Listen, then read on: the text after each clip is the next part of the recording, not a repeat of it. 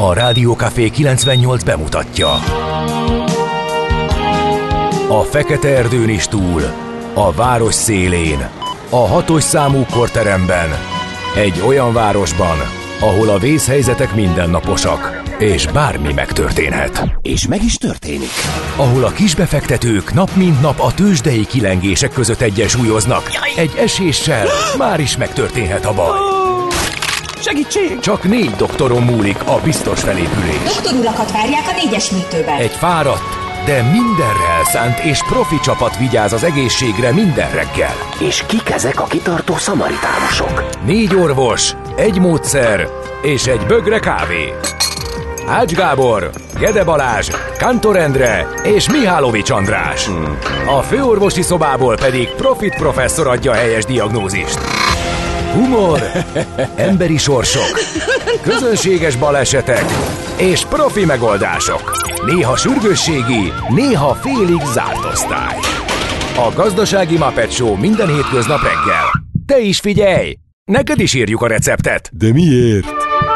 Ha nincs pénzed azért, ha megvan, akkor pedig azért. Millás reggeli. Egy kis kanállal minden reggel, és minden rendben lesz. A Millás reggeli főtámogatója a Schiller Flotta Kft. Schiller Flotta is rendtakár. A mobilitási megoldások szakértője a Schiller Autó tagja. Autók szeretettel. Kezdjük végre ezt a műsort, kedves Endre, Végre? felszólítalak azért, mert a házitról nem bír magával ma reggel.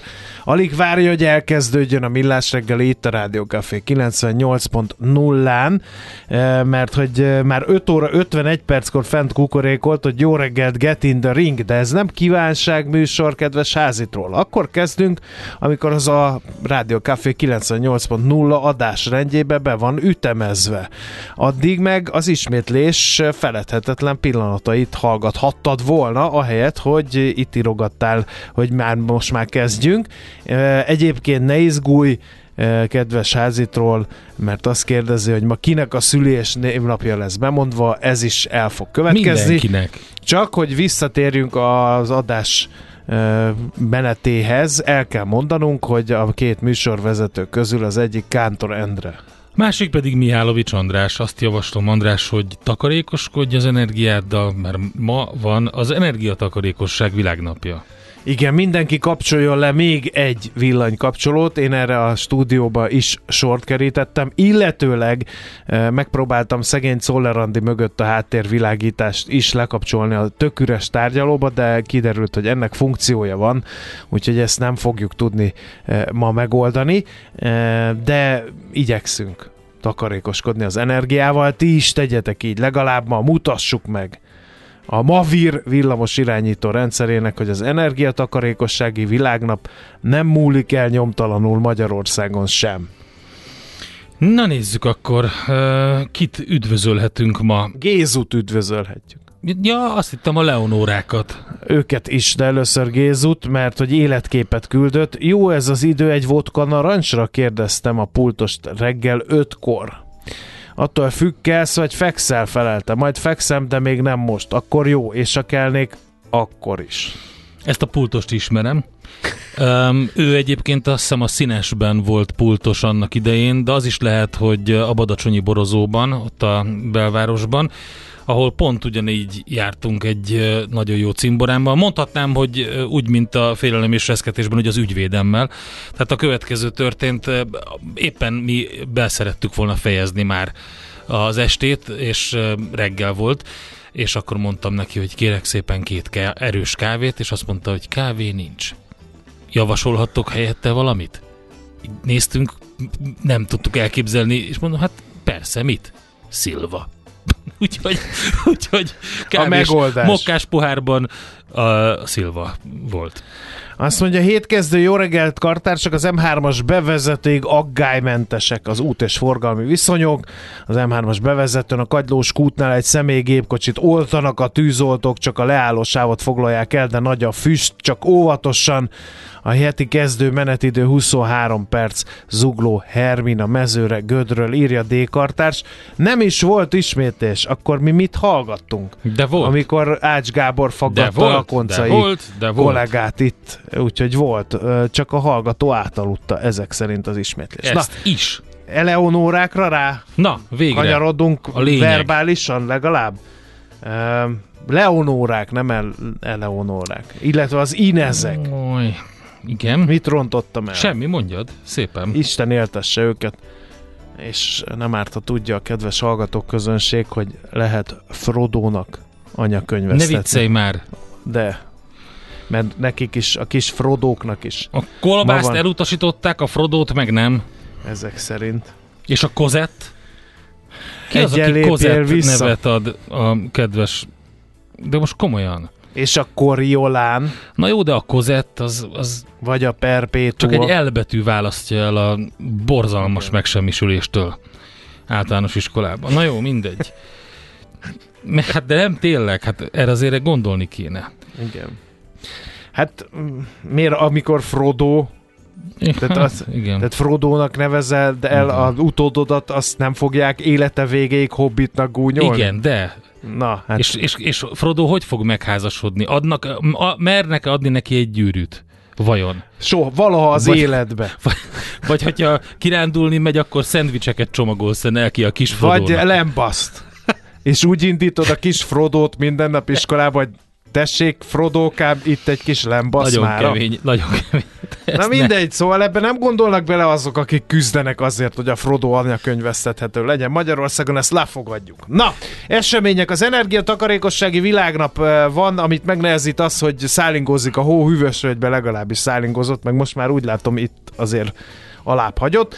De azt nem árt tudni, hogy ma van az aspirin születésnapja, ugyanis 1899-ben egy Felix Hoffman nevű ember ezen a napon eh, szabadalmaztatja az acetil szalicil savat. Ez az aspirinnak a lánykori neve.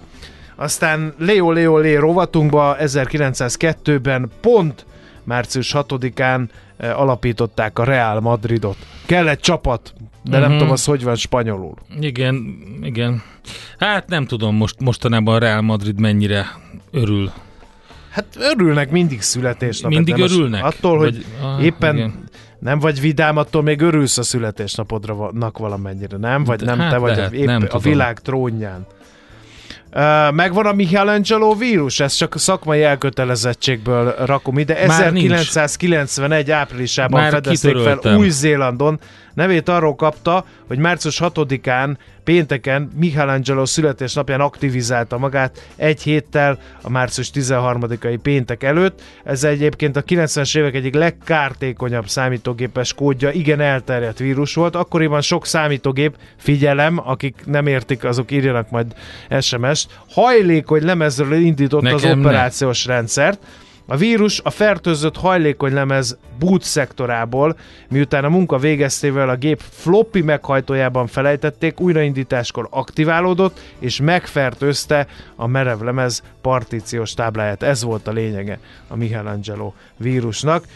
Lefoglal magának két kilobájt memóriát. Erre is odafigyeltek az illetékesek. Na tessék. A vírus eltávolítása az, ha valakinek még lenne ilyene, akkor most beolvasom, FD ISK per MBR utasítással lehetséges. Ez de óriási. Szerintem biztos, hogy már nincsen senkinek. Na na, Most már sokkal amikor a, jobbak vannak. amikor a függetlenség napján egy földi számítógépes vírussal fertőznek meg egy hiperugrásra képes, nálunk 1500-szor fejlettebb civilizációt, akkor még lehet, hogy nekünk is szükségünk lesz a Michelangelo vírusra, Endre, ne felejtsd el.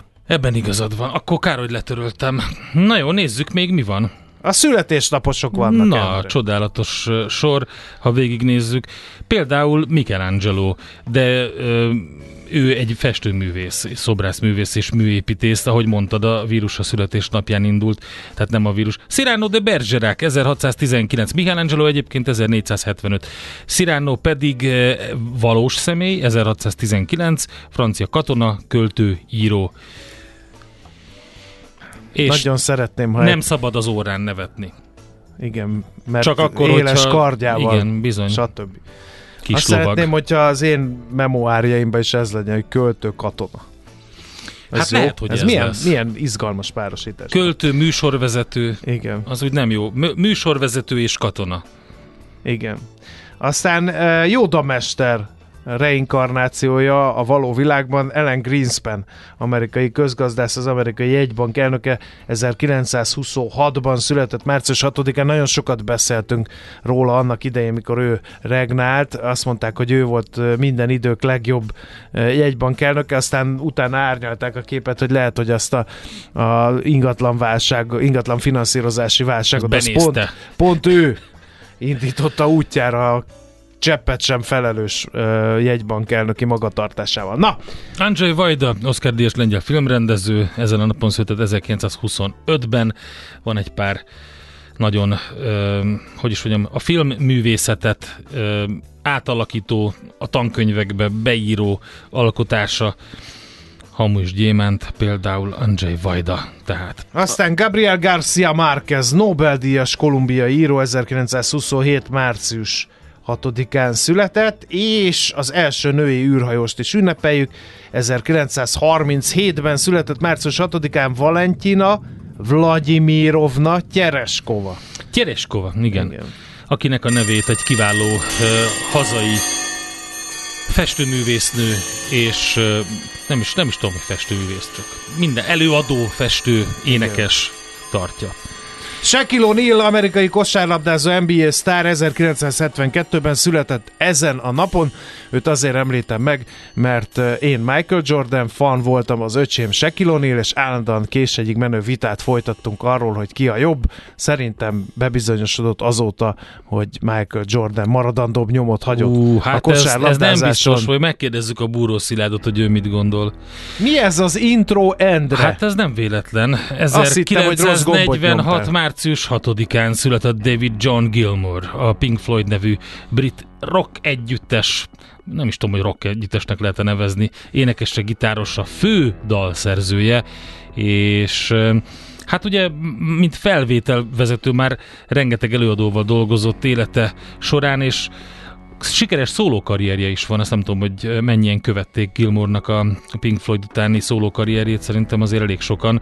Hát elég sok díjat bezsebelt, sokan azt mondják, hogy a minden idők száz legjobb gitárosa között is ott van, de hát azt szerintem kevesebben tudják, hogy hogy a, az apja Douglas Gilmour a Cambridge Egyetem zoológia tanszék vezetője volt, és onnan is elég sok mindent szívott magába. Ebből is lehet látni egyébként, hogy maga a Pink Floyd is egy kicsit a, hogy a, az értelmes, értelmiségi rétegnek szólt. Elég sok zenekarban játszott, ö, 63-ban már a Joker's Wild nevű hely, helybéli zenekarhoz csatlakozott, és utána jött 65-ben, kérem, a Pink Floyd, azért ezt is elég nehéz így kimondani.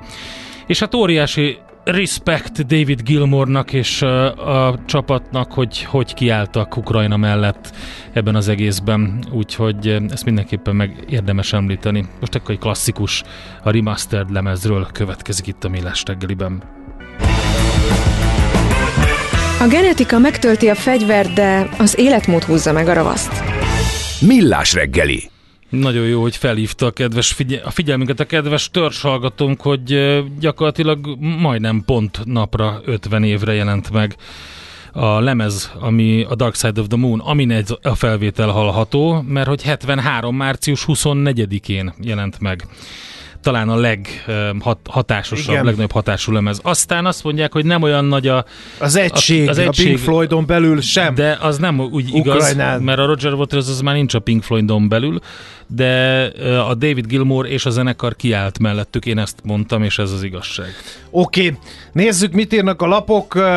Több lap beszámol, például a Magyar Nemzet is a címlapján a Washingtoni Konzervatív Politikai Akció konferencián ö, történtekről. Megjelent Donald Trump, és ezeket mondta. 2016-ban azt mondtam, én vagyok a hangotok.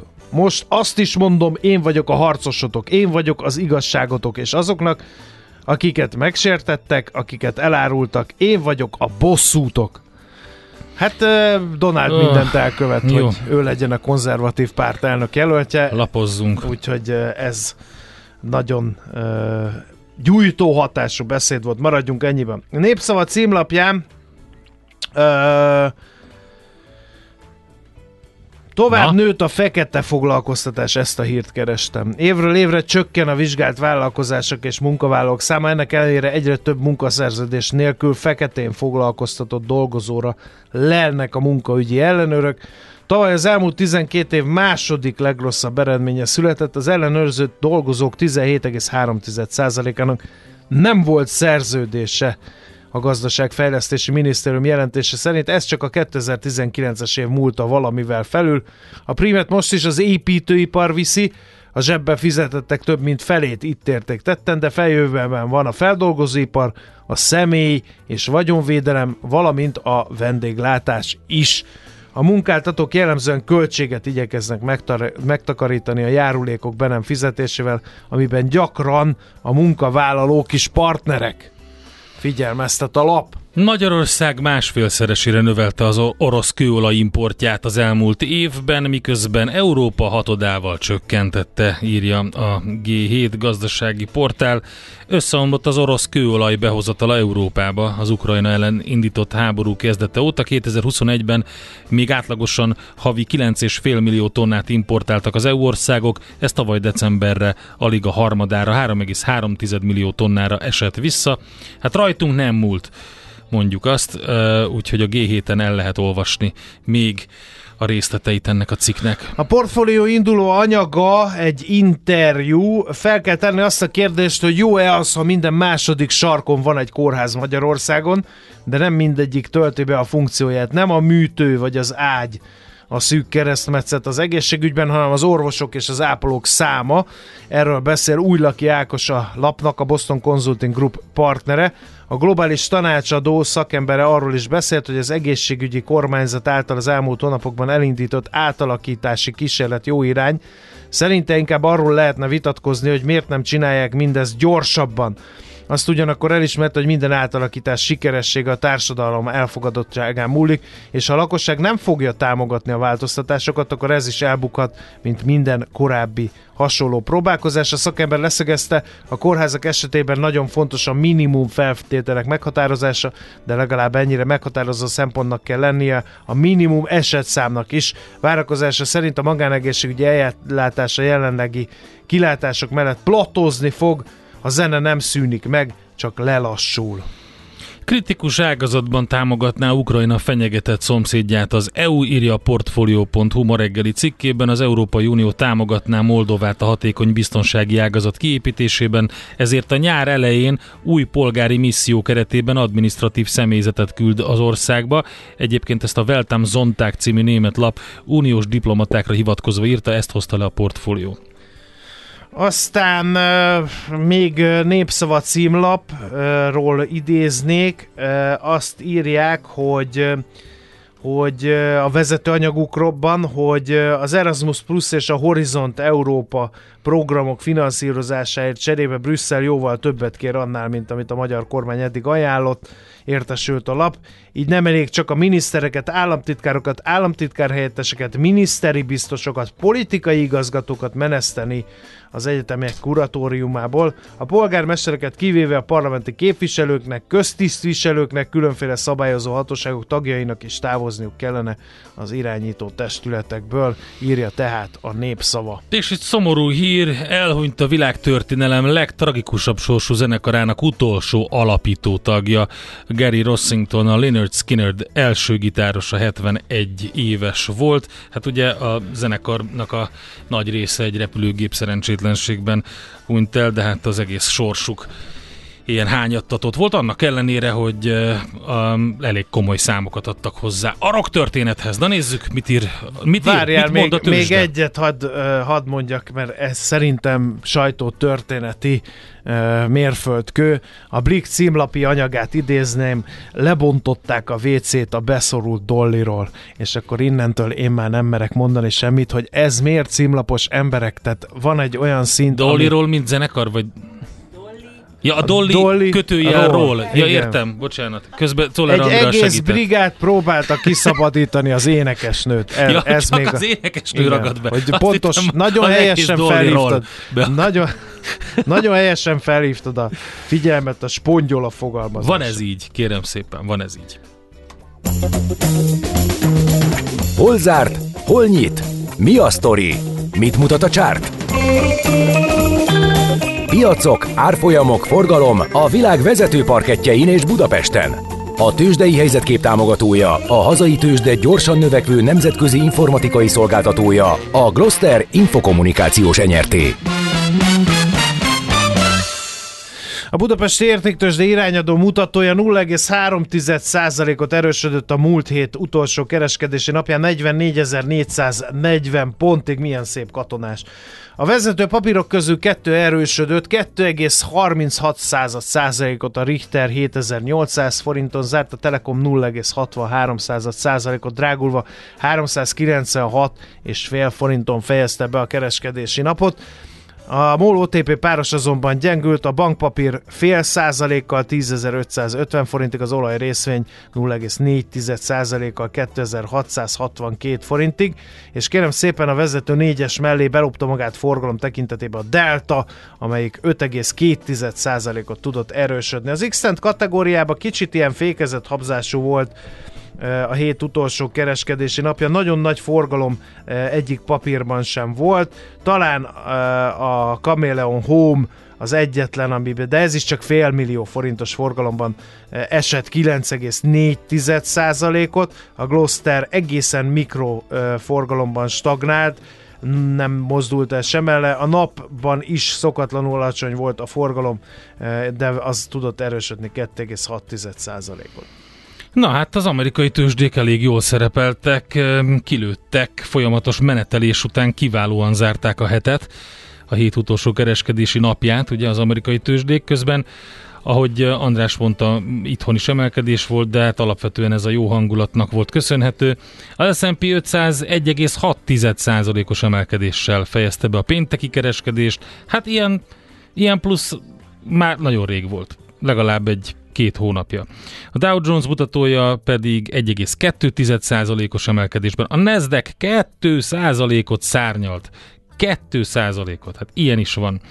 Úgyhogy tényleg egy ilyen vidám vidám hangulatú jó kereskedés volt jellemző az amerikai piacokra.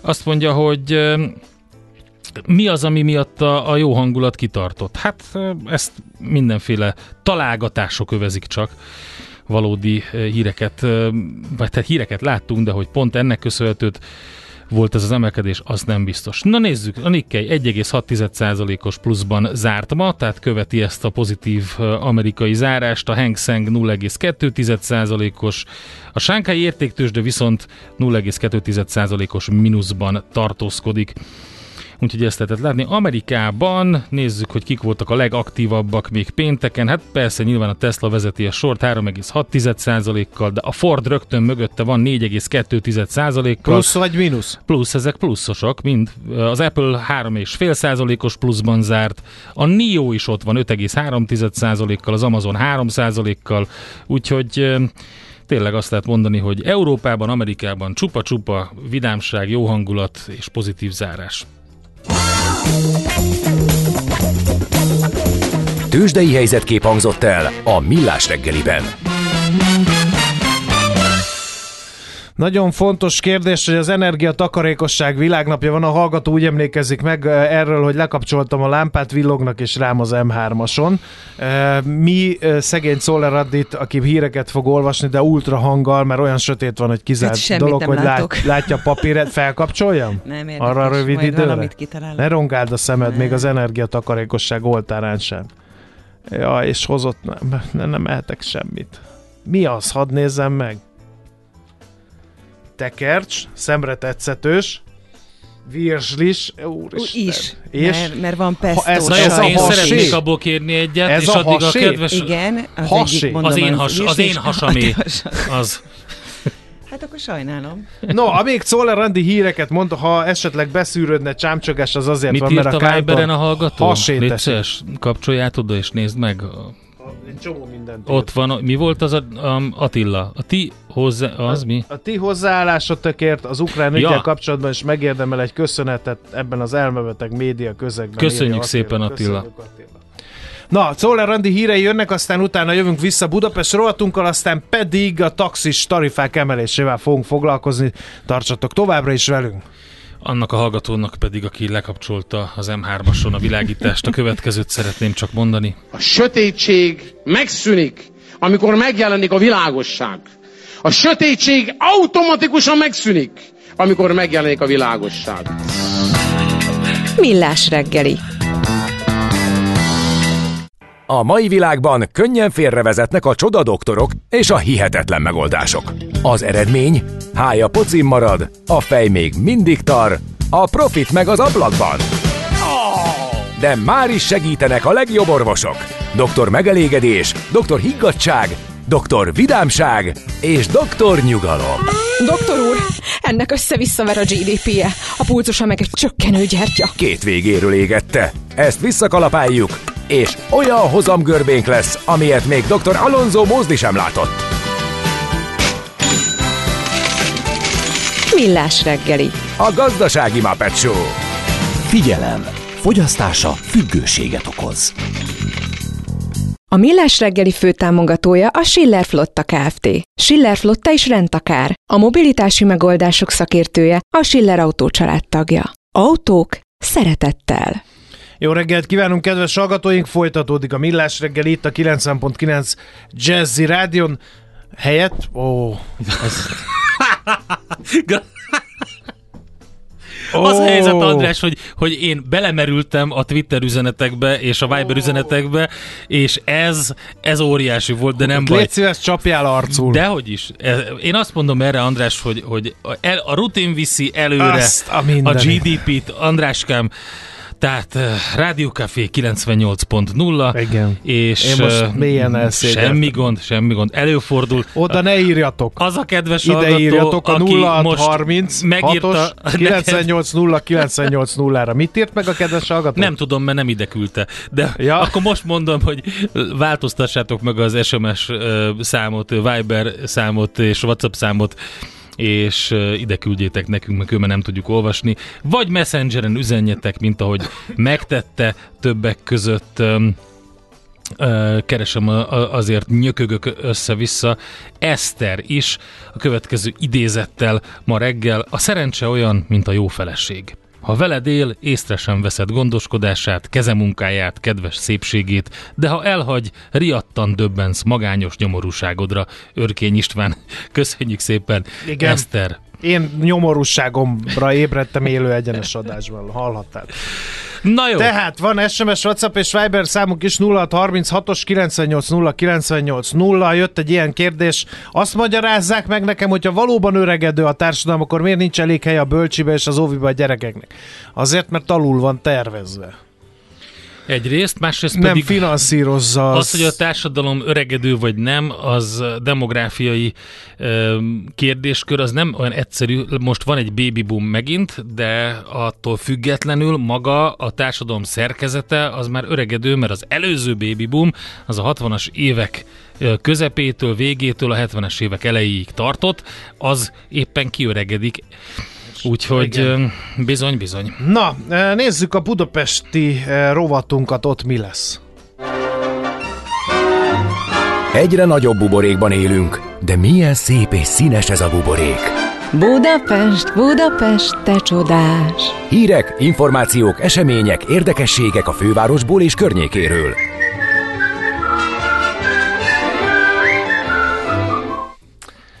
Na te jazzdobos, nyomjad! Eh, Várj Mi a egy a pillanatot, fővárosban? eh, amíg kimegyek, rendet teszek a technikai személyzet körében, mert hogy itt amatőröznek meg mindenféle backdoor Mi jön péntektől? Milyen változás jött? Kérlek szépen, a péntektől a Népligeti felüljárótól van nagy változás, és kérem szépen, ez így is marad egy jó darabig, ugyanis megkezdett, kezdődött pénteken a Népligeti felüljáró felújítása. Ez rengeteg autóst érint, azért foglalkozunk mi is vele. Eh, A felüljáron forgalomterelés van, mely júliusig, még egyszer júliusig marad, eh, és eh, a szakemberek eh, elkezdték vizsgálni, és arra jutottak, hogy eh, meg kell azt eh, alapozni, hogy még mindig biztonságos-e az 1978-ban épült Népligeti felüljáró. Meg is kezdték ezeket a vizsgálatokat. Péntek este 20 órától lépett érvénybe az új forgalmi rend. Ezt követően a hídon kifelé közlekedve továbbra is két sáv áll rendelkezésre, a centrum irányába viszont már csak egy forgalmi sávon közlekedhetnek az autósok. Naponta körülbelül 15 ezer autó halad át a felüljáron, úgyhogy közvetve viszont más útvonalakon is megnövekedhet a forgalom a Népligeti felüljáró vizsgálata miatt, és ahogy mondtam, júliusig biztosan így marad. A külső sávot körülbelül 200 méter hosszan zárják le a pénzverde előtti résznél, és egyelőre nem látható, hogy miként rendezi át a változás a Budapest autós közlekedést. Az valószínűsíthető, hogy az ülői úton az észak felé tartó forgalom egy része felüljáró helyett a Könyves Kálmán körúton folytatja majd útját. Az ülői úton a reggeli és a délutáni csúcsban lehet számítani nagyobb sorképződésre és a forgalom lassulására is. A BKK minden esetre azt ajánlja, hogy aki a belváros irányába tart, azok autózás helyett válasszák inkább a közösségi közlekedést, például az M3-as metrót. Kíváncsian várjuk, hogy nektek, ha valaki arra jár, Igen, mi a tapasztalat, mi a tapasztalat? a Népligeti meg. felüljáró környékéről 0636-os 98 0 98 0. Ö, Közben érdekes vita van ugye arról, hogy a közvilágosítás, a közvilágítás lehet-e államosítani, vagy nem. A város nem maradhat világítás nélkül, a számlát tehát valakinek fizetnie kell. Az önkormányzat feladatköréből kivehetik ugyan ezt a szolgáltatást, de a főpolgármester helyettes szerint ezzel senki sem járna igazán jól. Tehát Budapest és az önkormányzat szerint értelmetlen lenne a közvilágítását államosítani. Erről cikkezett többek között az Index Budapest számára nagy anyagi terhet jelent, de példák igazolják, hogy van manőverezési lehetősége, önként pedig nem adná át a közvilágítási rendszerét. Megint szavaznunk kell ezúttal azonban arról, hogy milyen muzsikát játszon a Margit szigeti zenélő szökőkút. Budapest 150. születésnapja alkalmából megújul a zenei program. Eh, A Slayer. nyolc, a nyolc legtöbb eh, szavazatot kapott zenét fogja egy előre meghatározott listából. Nem lehet eh, Raining ad hoc- Blood. Nem lehet adhok, Endre. Aj, Egy előre megadott lista van azért, mert hogy a szakemberek pontosan tudják, hogy mi az, amit le tud játszani a szökőkút, és mi az, amit nem. E, mindent és le tud játszani.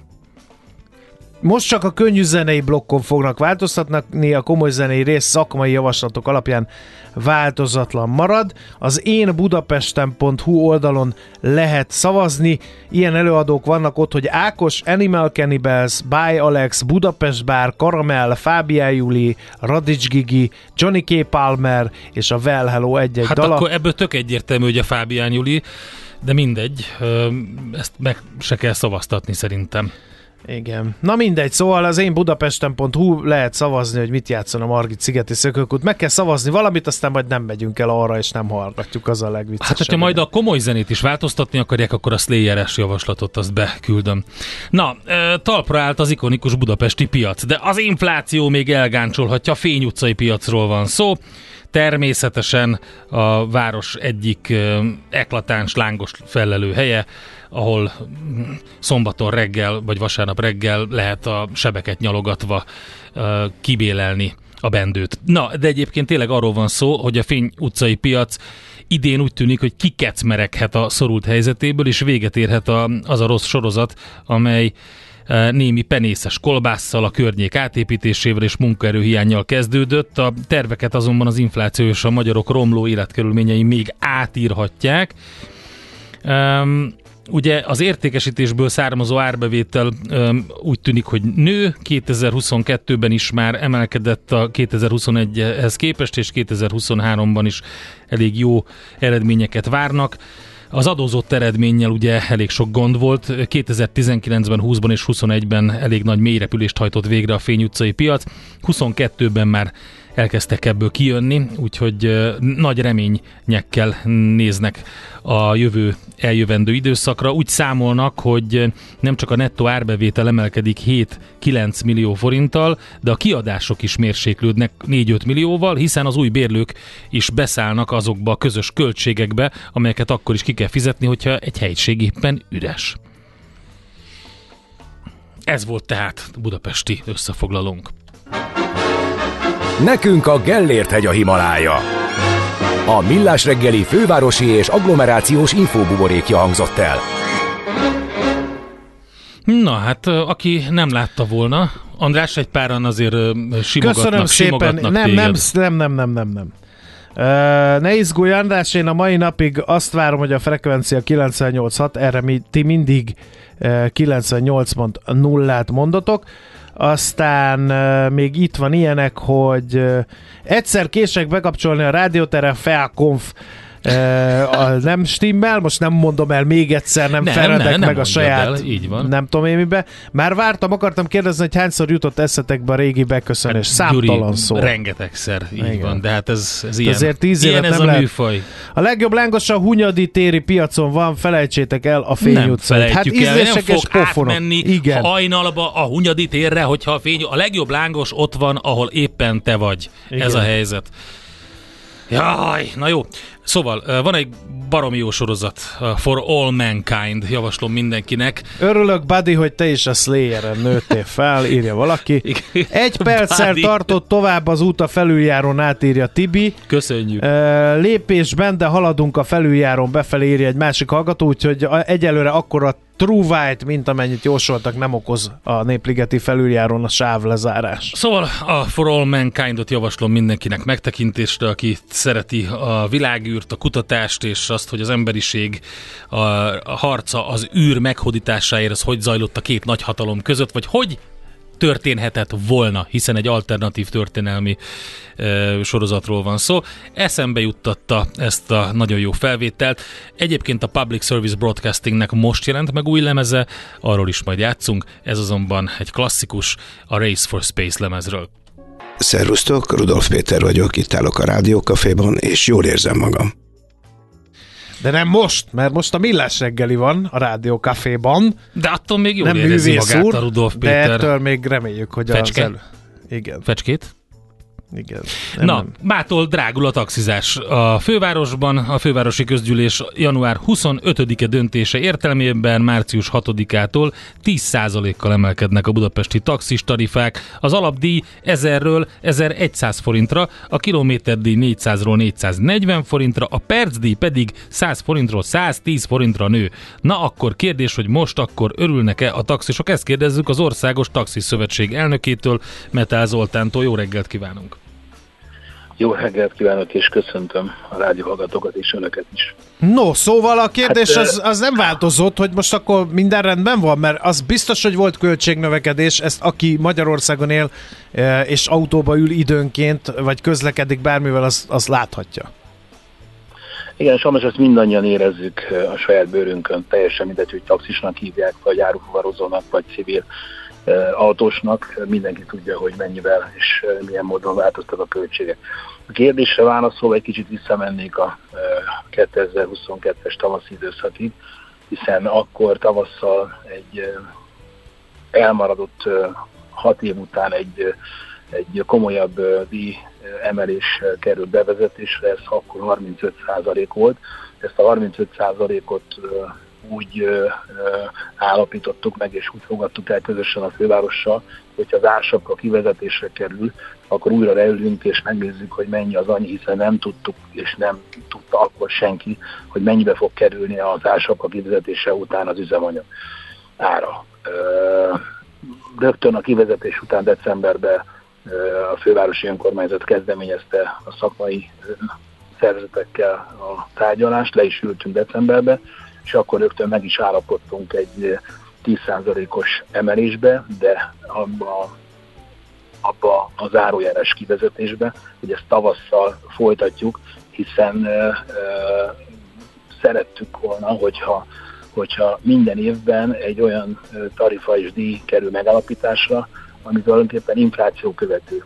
Éppen azért örömmel fogadtuk, hogy a főváros egy olyan javaslatot fogalmazott meg, hogy három olyan tényezőt vegyünk figyelembe a mindenkori tarifa emelésnél is, annak a kialakításánál, ami fontos a, a díjszámításnál. Mi ez a három adat? A KSH által közölt maginflációs adat, a NAV által közzétett átlagos üzemanyagár emelkedése és annak az ára, a harmadik pedig a, a, a általános fizetéseknek, az átlagbéreknek a, a, a figyelembevétele. Ennek a, ennek a három tényezőnek a figyelembevételével állapodtunk meg, hogy akkor ezt újra folytatjuk és leülünk, és decemberben nem valósult meg az a 10% amiben megállapodtunk, mindenféle egyéb technikai körülmények miatt, hiszen a főváros rendkívüli közgyűlést ezért es emiatt nem szeretett volna összehívni, viszont januárban újra folytattuk a tárgyalást, de már nem azzal a tárgyaló partnerrel, akivel addig leültünk, hanem a klímaügyi és a közlekedési bizottság elnökét jelölte ki nekünk a főváros tárgyalópartnernek. Vele is nagyon-nagyon erőre haladott tárgyalásokat tudtunk folytatni konstruktívat, és tulajdonképpen azért, hogy ne legyen egy két lépcsős emelés, rögtön egy olyan javaslatot fogalmaztunk meg, ami egy magasabb alapdíjemelést és egy 10%-os, amit ma bevezetésre került tarifa számítást jelentene. Ebben megállapodtak a szakmai szervezetek, és ezt a javaslatot be is vitte a Közlekedés és Klímagyi Bizottság elnöke a fővárosba. Ennek ellenére a főpolgármester úr a közgyűlés beterjesztésénél nem ezt a kettes és frissített változatot fogadta, terjesztette be és fogadta a, a közgyűlés, hanem az eredeti decemberi. Mi akkor már megfogalmaztuk, és meg volt lehetőségünk személyesen megszólalni a közgyűlésen, hogy azért tartottuk volna szerencsésebbnek a magasabb alapdíj emelést, mert akkor tavasszal nem szerettünk volna, és nem kellett volna egy újabb tarifa egyeztetést kezdeményeznünk. Választ akkor nem nagyon kaptunk a főpolgármester úrtól, és éppen ezért kénytelenek voltunk legjobbre fordulni a kérdéseinkkel, amire ma fogunk valószínűleg, hogy választ kapni, hiszen ez az egyeztetés, ez a ma délutáni órákban jön létre a főpolgármester és a szakmai szervezetek között. Szeretnénk tudni, hogy hol volt a a, a, a homok a gépezetben, miért nem azt a változatot fogadta el a főváros, amiben meg. Igen, ez, ez érthető, csak most utas szemmel nézve ezt az egész dolgot, ha most egy évre visszatekintünk, az ilyen egy cikkben olvastam, hogy 47 és 57 százalékos drágulást jelent a budapesti taxisoknál, ami jóval infláció fölötti, a másik dolog, hogy közben, miközben drágul ez a szolgáltatás, az embereknek ugye szintén szembe kell nézni az inflációval és a növekvő megélhetési költségekkel, akkor ki fog itt taxizni emeltáron kevesebb pénzből? hogy azért pontosak legyenek az adatok, a 47% azért nem stimmel, mert amit az előbb mondtam, de lehet, hogy nem hangsúlyoztam kellőképpen, az előbbi, tehát az megelőző hat évben nem került sor díjemelésre, attól függetlenül volt infláció, mégsem került emelésre, tehát ezt a 6 évet kompenzálta a 35 százalék. Azért a kérdéset, kérdés nem szeretném megkerülni, minden egyes áremelésnek van egy olyan hatása, hogy 5-10 százalékkal az áremelés utáni hetekben visszaugrik egy kicsit a kereslet, ami viszont a következő hónapok ismét kompenzálják. Tehát a 35 százalékos díjemelést, azt kell, hogy mondjam, hogy a, a számok alapján most már kellőképpen felelősen azt tudom mondani, hogy nem csökkentek a fuvalszámok, ami a fuvalszámok csökkentését jelenti az elmúlt hónapokban, hetekben, az a háborúnak a hatása, és az, hogy az emberek igen, igen csak megválogatják, hogy mire költik a pénzüket, de attól függetlenül az üzemanyagárak nem lettek olcsóbbak, az árufuvarozás tekintetében látható, hogy iszonyatosan meg fog emelkedni a, a, az áruforrozóknak a szolgáltási díjai, amelyet a következő hetekben, hónapokban mi vásárlók, mi, akik megveszünk ezeket a termékeket, kénytelenek leszünk kifizetni. Tehát tulajdonképpen uh-huh. van egy lélektani határ, amire, amire e, e, gondol, e, ezt természetesen figyelembe kell venni, e, e, nem lehet nyakra főre e, olyan e, emelési számokat megfogalmazni, amit már ténylegesen az utazó közönség, a lakosság nem tud uh, kifizetni, tehát ezt természetesen uh, mi se akarunk fejjel a falnak menni, de azért azt látjuk, mert mi is utazunk Európába, különböző szakmai kiállításokra sikerült eljuttunk az utóbbi hónapokba, hogy, hogy Olaszországba, Németországba még mindig jóval, és Ausztriában is drágább a, E, igen, de ott a taxi fizetések is magasabbak, úgyhogy ez nem biztos, hogy szerencsés összevetés. Ez Viszont, abszolút, viszont ez egy... abszolút így van, de az üzemanyag, az üzemanyagárak tekintetében sajnos az, a, a taxisnak ugyanazt az üzemanyagárat kell kifizetni, eh, amit, amit, amit a, a, a, a, a, ezekben a szektorokban. Tehát a költségek emelkedtek, tehát azt nem tudjuk eh, meg, megteremteni magunknak, hogy hogy úgy taxikázunk és úgy szolgáltassunk, hogy a, a költségeket folyamatosan viseljük. El- Előbb-utóbb abból az lesz, hogy nem fogja tudni a vállalkozó fenntartani a szolgáltatást, vagy Pont ezt akartam kérdezni, hogy most fent tudja tartani a szolgáltatást, mert ugye a taxiórának az átállítási költsége az nem, nem valami kevé- kevés. Ugye át kell egy kicsit matricázni az autókat az új tarifákra, ennek is van költsége.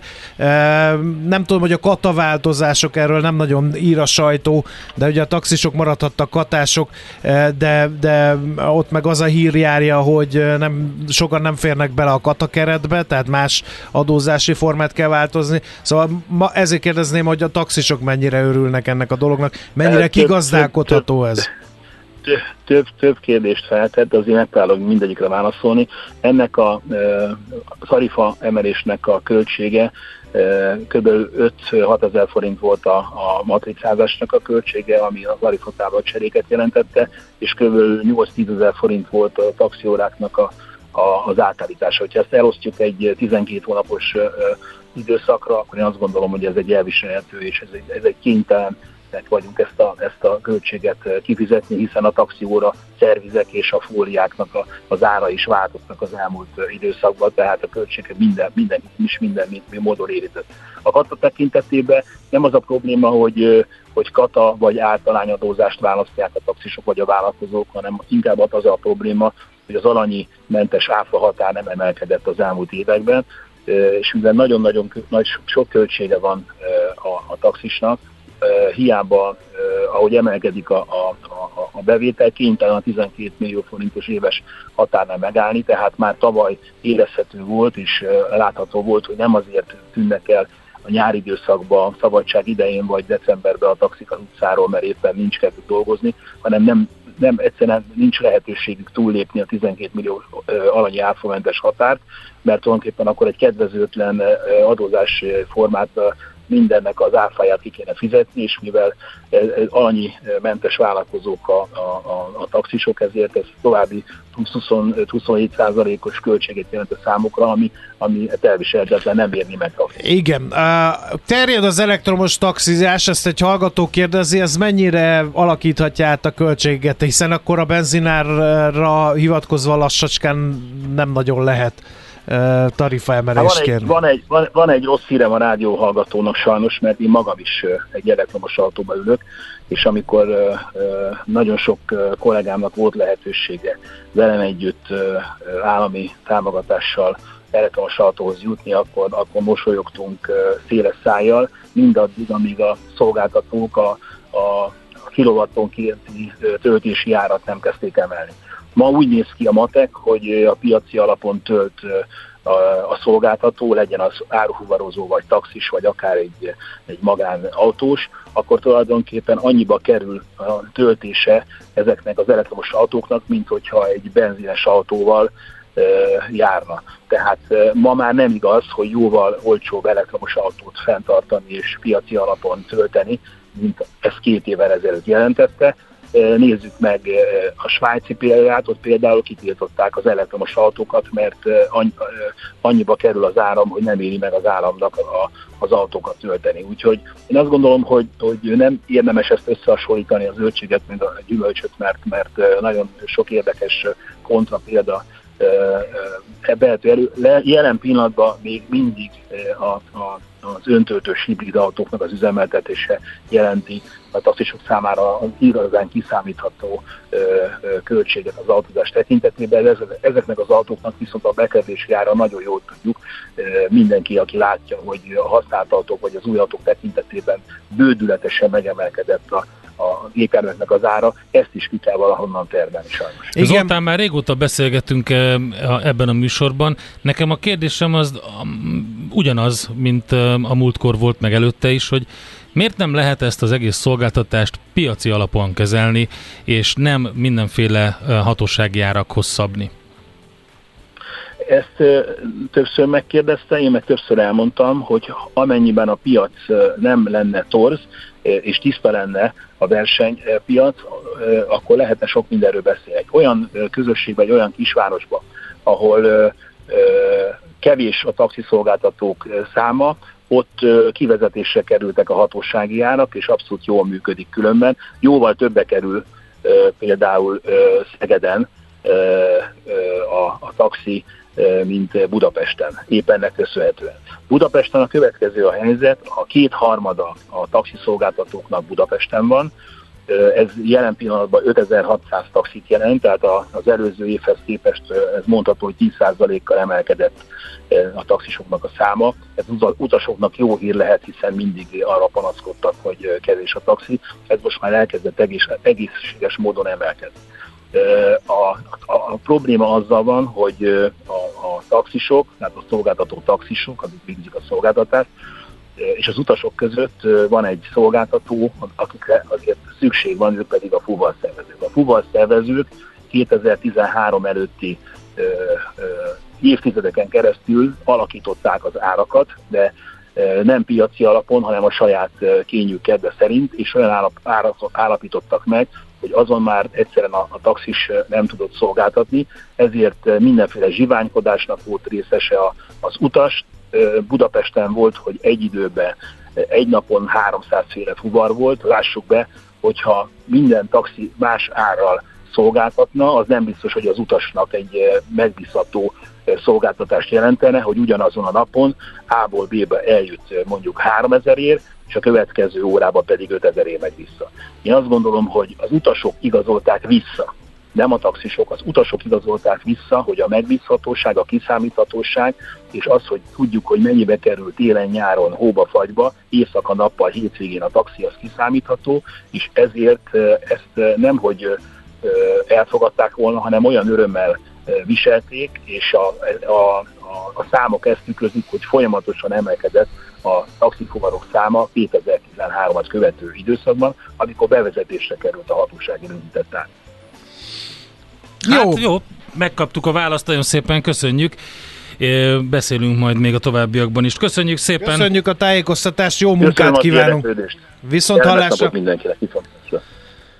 Az elmúlt percekben Metál Zoltánnal beszélgettünk, ő az Országos Taxis Szövetség elnök, és annak kapcsán váltottunk néhány szót, hogy mától drágul a taxizás, és hogy mindenki boldog-e.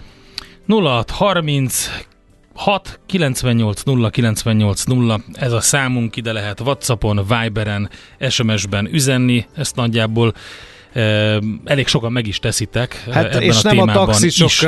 pártját fogva, mindenki szabad piaci versenyt, meg Ubert, meg, meg ilyesmit, és összehasonlítja a pedagógusok és a taxisok érdekérvényesítő képességét, úgyhogy van itt minden, mint a búcsúban, az üzenőfalunkon. Jön Czoller Andi legfrissebb hírekkel, információkkal, aztán heti kitekintő rovatunkban azt nézzük meg, hogy milyen adatok ö, borzolják a kedvünket ö, és a kereskedési kedvünket is ezen a héten. Például a februári inflációs adatok. Mi várható a héten? Milyen adatok, információk, döntések befolyásolják a forint értékét, a tőzsdei hangulatot?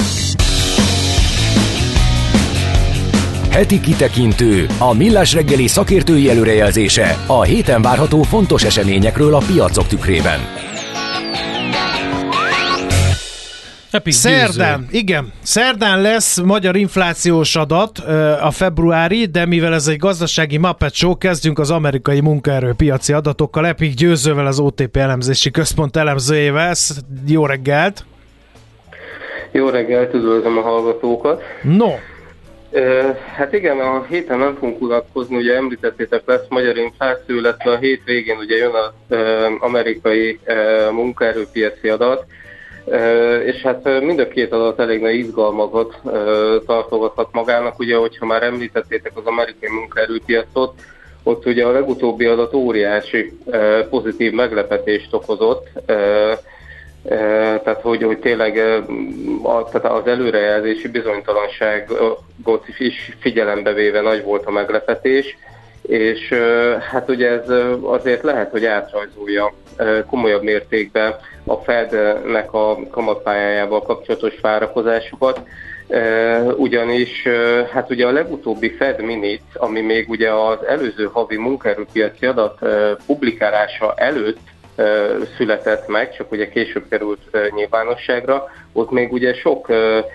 Fed döntéshozó növekvő esélyét látta, hogy esetleg lesz egy érdemi lassulás az amerikai gazdaságban, ami hát nyilván ugye majd lejjebb hozhatja az inflációt, és hát ugye utána pedig ugye kijött ez a, ez a nagyon erős munkaerőpiaci adat, ami hát ilyen értelemben gyakorlatilag felülírhatta ugye a, azokat a korábbi e, recesszió felé hajló elképzeléseket.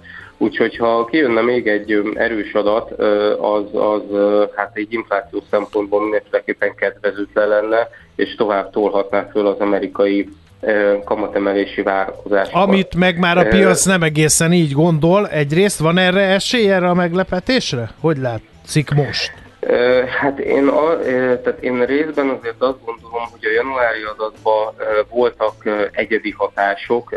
Ugye Amerikában voltak ilyen nagyon kemény ítéletidők, ami miatt ugye, amit szerint, tehát emlékeim szerint az még decemberben volt, amikor nyilván az akkor csökkentette a munkaerőkeresletet, viszont ugye a következő hónapban, amikor ugye normalizálódott a helyzet, és ugye hát nyilván a, a decemberben maradt munkákat be kellett pótolni, stb. stb., akkor, akkor meg ugye ez növelhette a munkaerőkeresletet, tehát én azért azt gondolom, hogy abban az óriási meglepetésben voltak már napok, de hát jelen pillanatban azért tényleg jó állapotban tűnőnek lévő na, jó állapotban lévőnek tűnik az amerikai e, munkaerőpiac, úgyhogy hát nem lehet kizárni egy újabb e, pozitív meglepetést. Aha.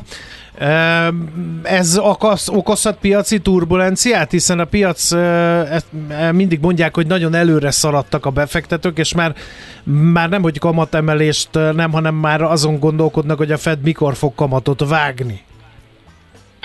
Igen, én azt gondolom, hogy a Fed a kommunikációjában megpróbálja azért kifejezetten hűteni ezeket a kamatcsökkentési várakozásokat, ugye kifejezetten arról kommunikálnak, hogy azért szükséges fenntartani, akár hossza, tehát hogyha el is érik a kamatemelési csúcsot, azt a szintet szükséges lesz hosszabb ideig fenntartani, amíg tényleg jól láthatóvá nem válik a dezinfláció.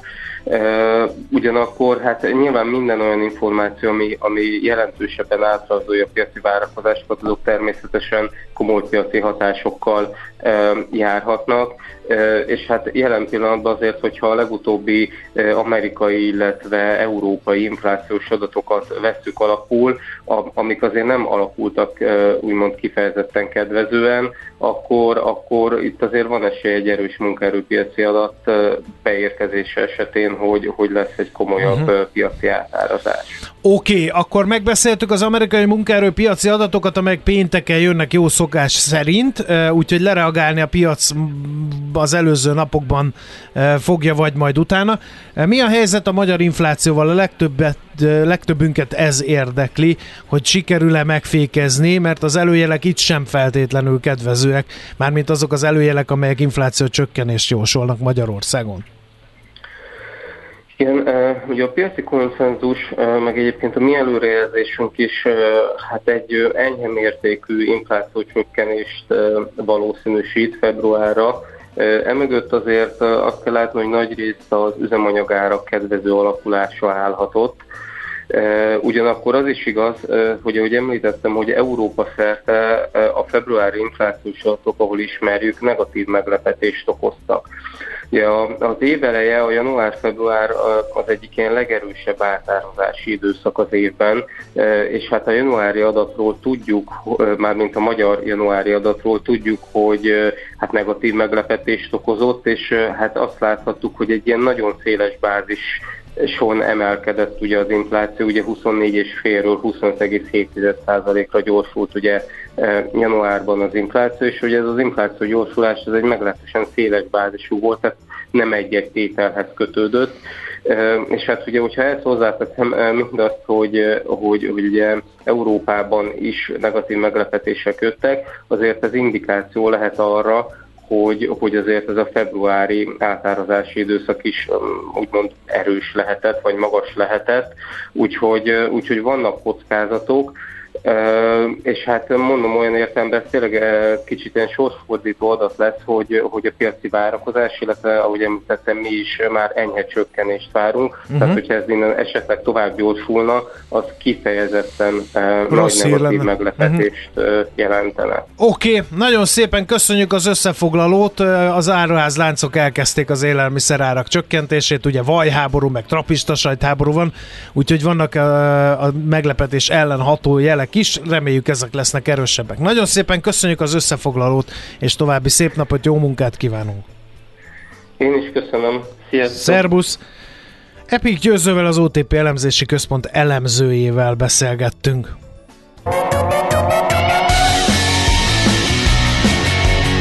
Heti kitekintő rovatunk hangzott el.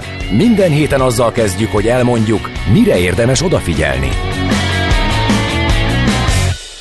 Megyünk tovább a Millás reggelivel. Következő témánkban azt fogjuk megnézni, hogy mi változik és miért különadó különlegességeket fogunk sorra venni.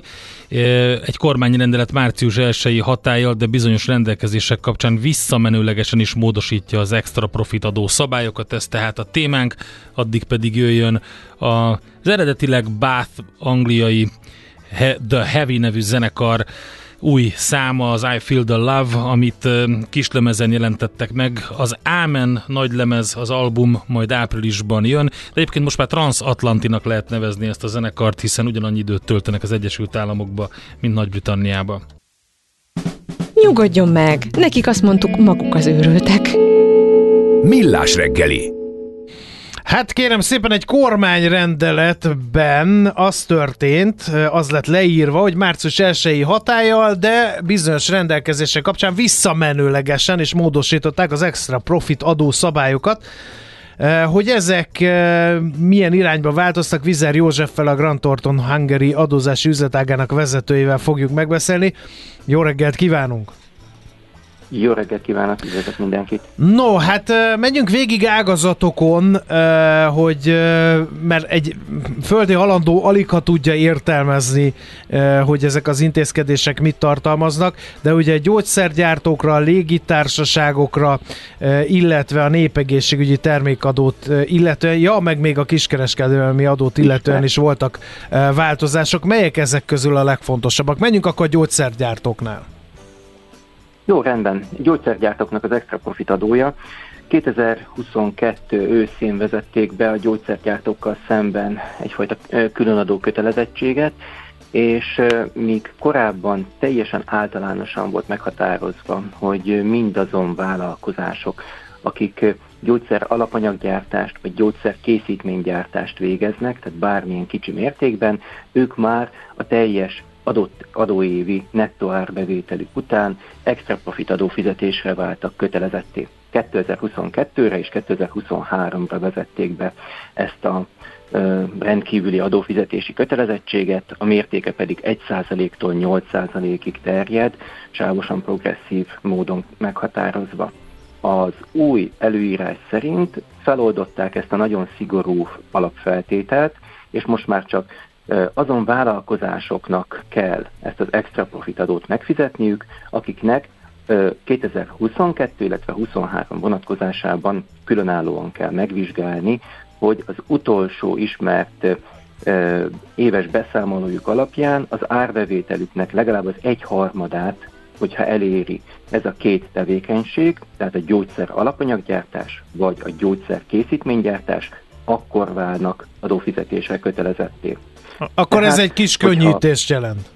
Könnyítés. Igen, tehát azon vállalkozások számára, akik mondjuk egy nagy, globális vállalatcsoportnak a magyarországi lányvállalatai végeznek valamilyen gyógyszer előállítást, de egyébként Magyarországon inkább a külföldön előállított termékeknek a forgalmazását végzik, abban az esetben ez egy könnyebbség lesz számukra, hogyha tényleg a a bevételüknek kevesebb, mint egy harmadát éri el a magyarországi gyógyszer előállításból származó árbevétel.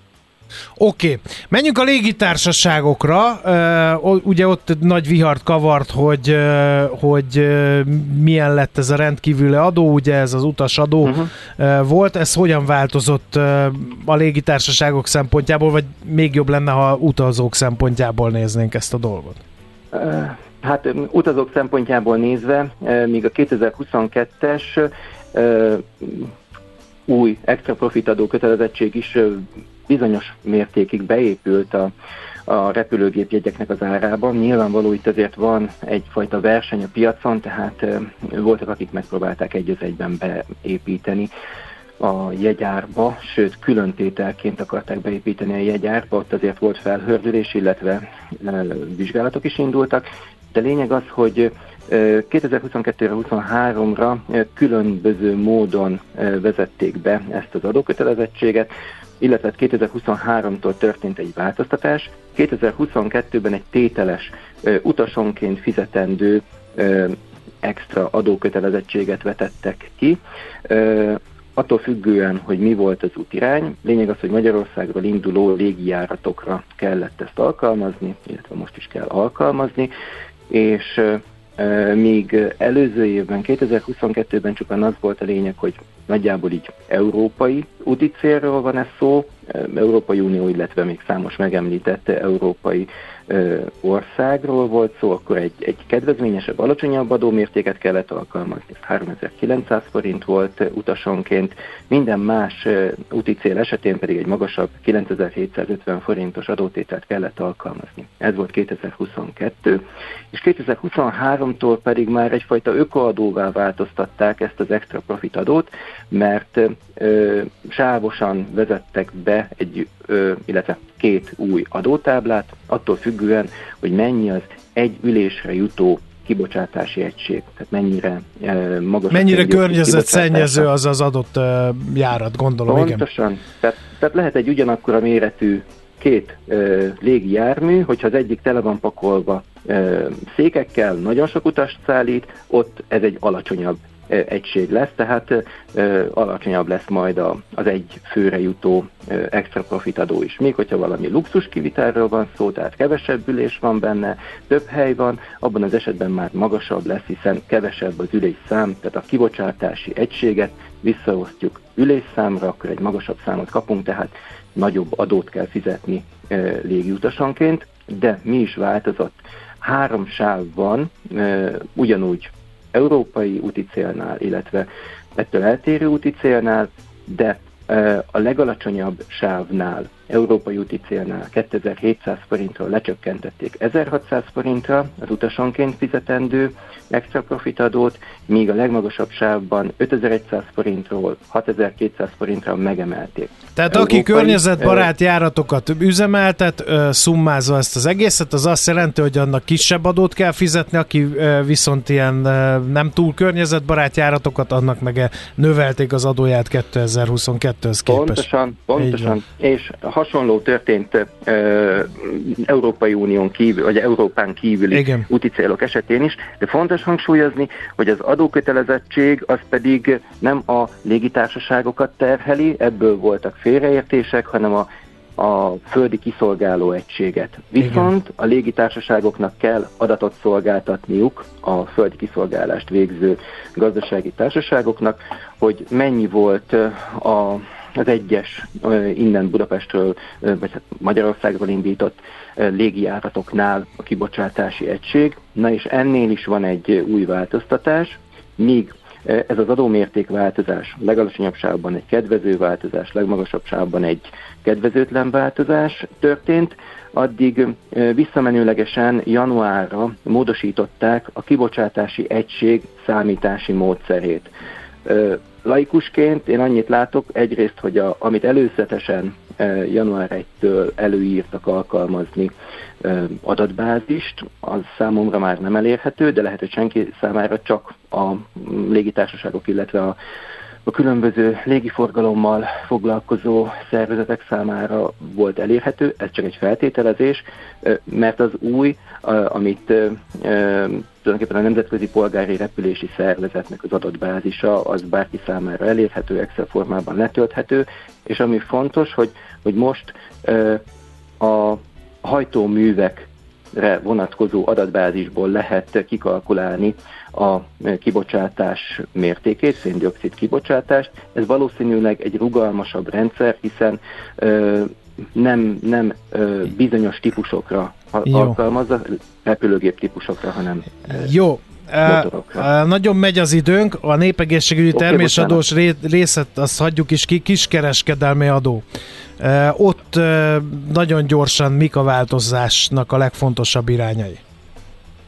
Kiskereskedelmi adó alapvetően a számítást ö, ö, adótétel tekintve nincs változás a január 1-es ö, új előírásokhoz képest, csupán annyi, hogy egyértelműsíti az eltérő üzleti évet alkalmazó kiskereskedelmi tevékenységet végzőknél, tehát akik nem január 1-től december 31-ig határozzák meg az éves eredményüket, tehát a beszámolót nem ez szerint végzik, számukra már akkor is 2023-tól alkalmazandó megemelt adótételeket kell alkalmazni, hogyha 2022. július 1-et követően kezdődik az adóévük. Tehát még egy normál üzleti évesnél ö, 2023-tól kell ezt alkalmazni, egy eltérő üzleti évesnél, akinek mondjuk 2022. augusztusától 23. júliusáig tart az üzleti éve, ők már a ké- tavalyi évben megkezdett adóévre is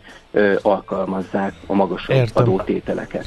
Jó, nagyon Ennyi szépen, nagyon szépen köszönjük az összefoglalót, ennyi fért most bele, jó munkát kívánunk, viszont hallásra.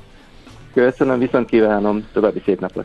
Vizer Józseffel a Grand Thornton Hungary adózási üzletágának vezetőjével beszélgetünk, most megyünk is tovább, jó nagy csúszással jönnek Czollerandi hírei, én vagyok a felelős, elnézést kérek, többet nem fog előfordulni, és megkérem Kántor Endret, hogy pancsoljon be egyet, amíg mondja Czollerandi a híreket.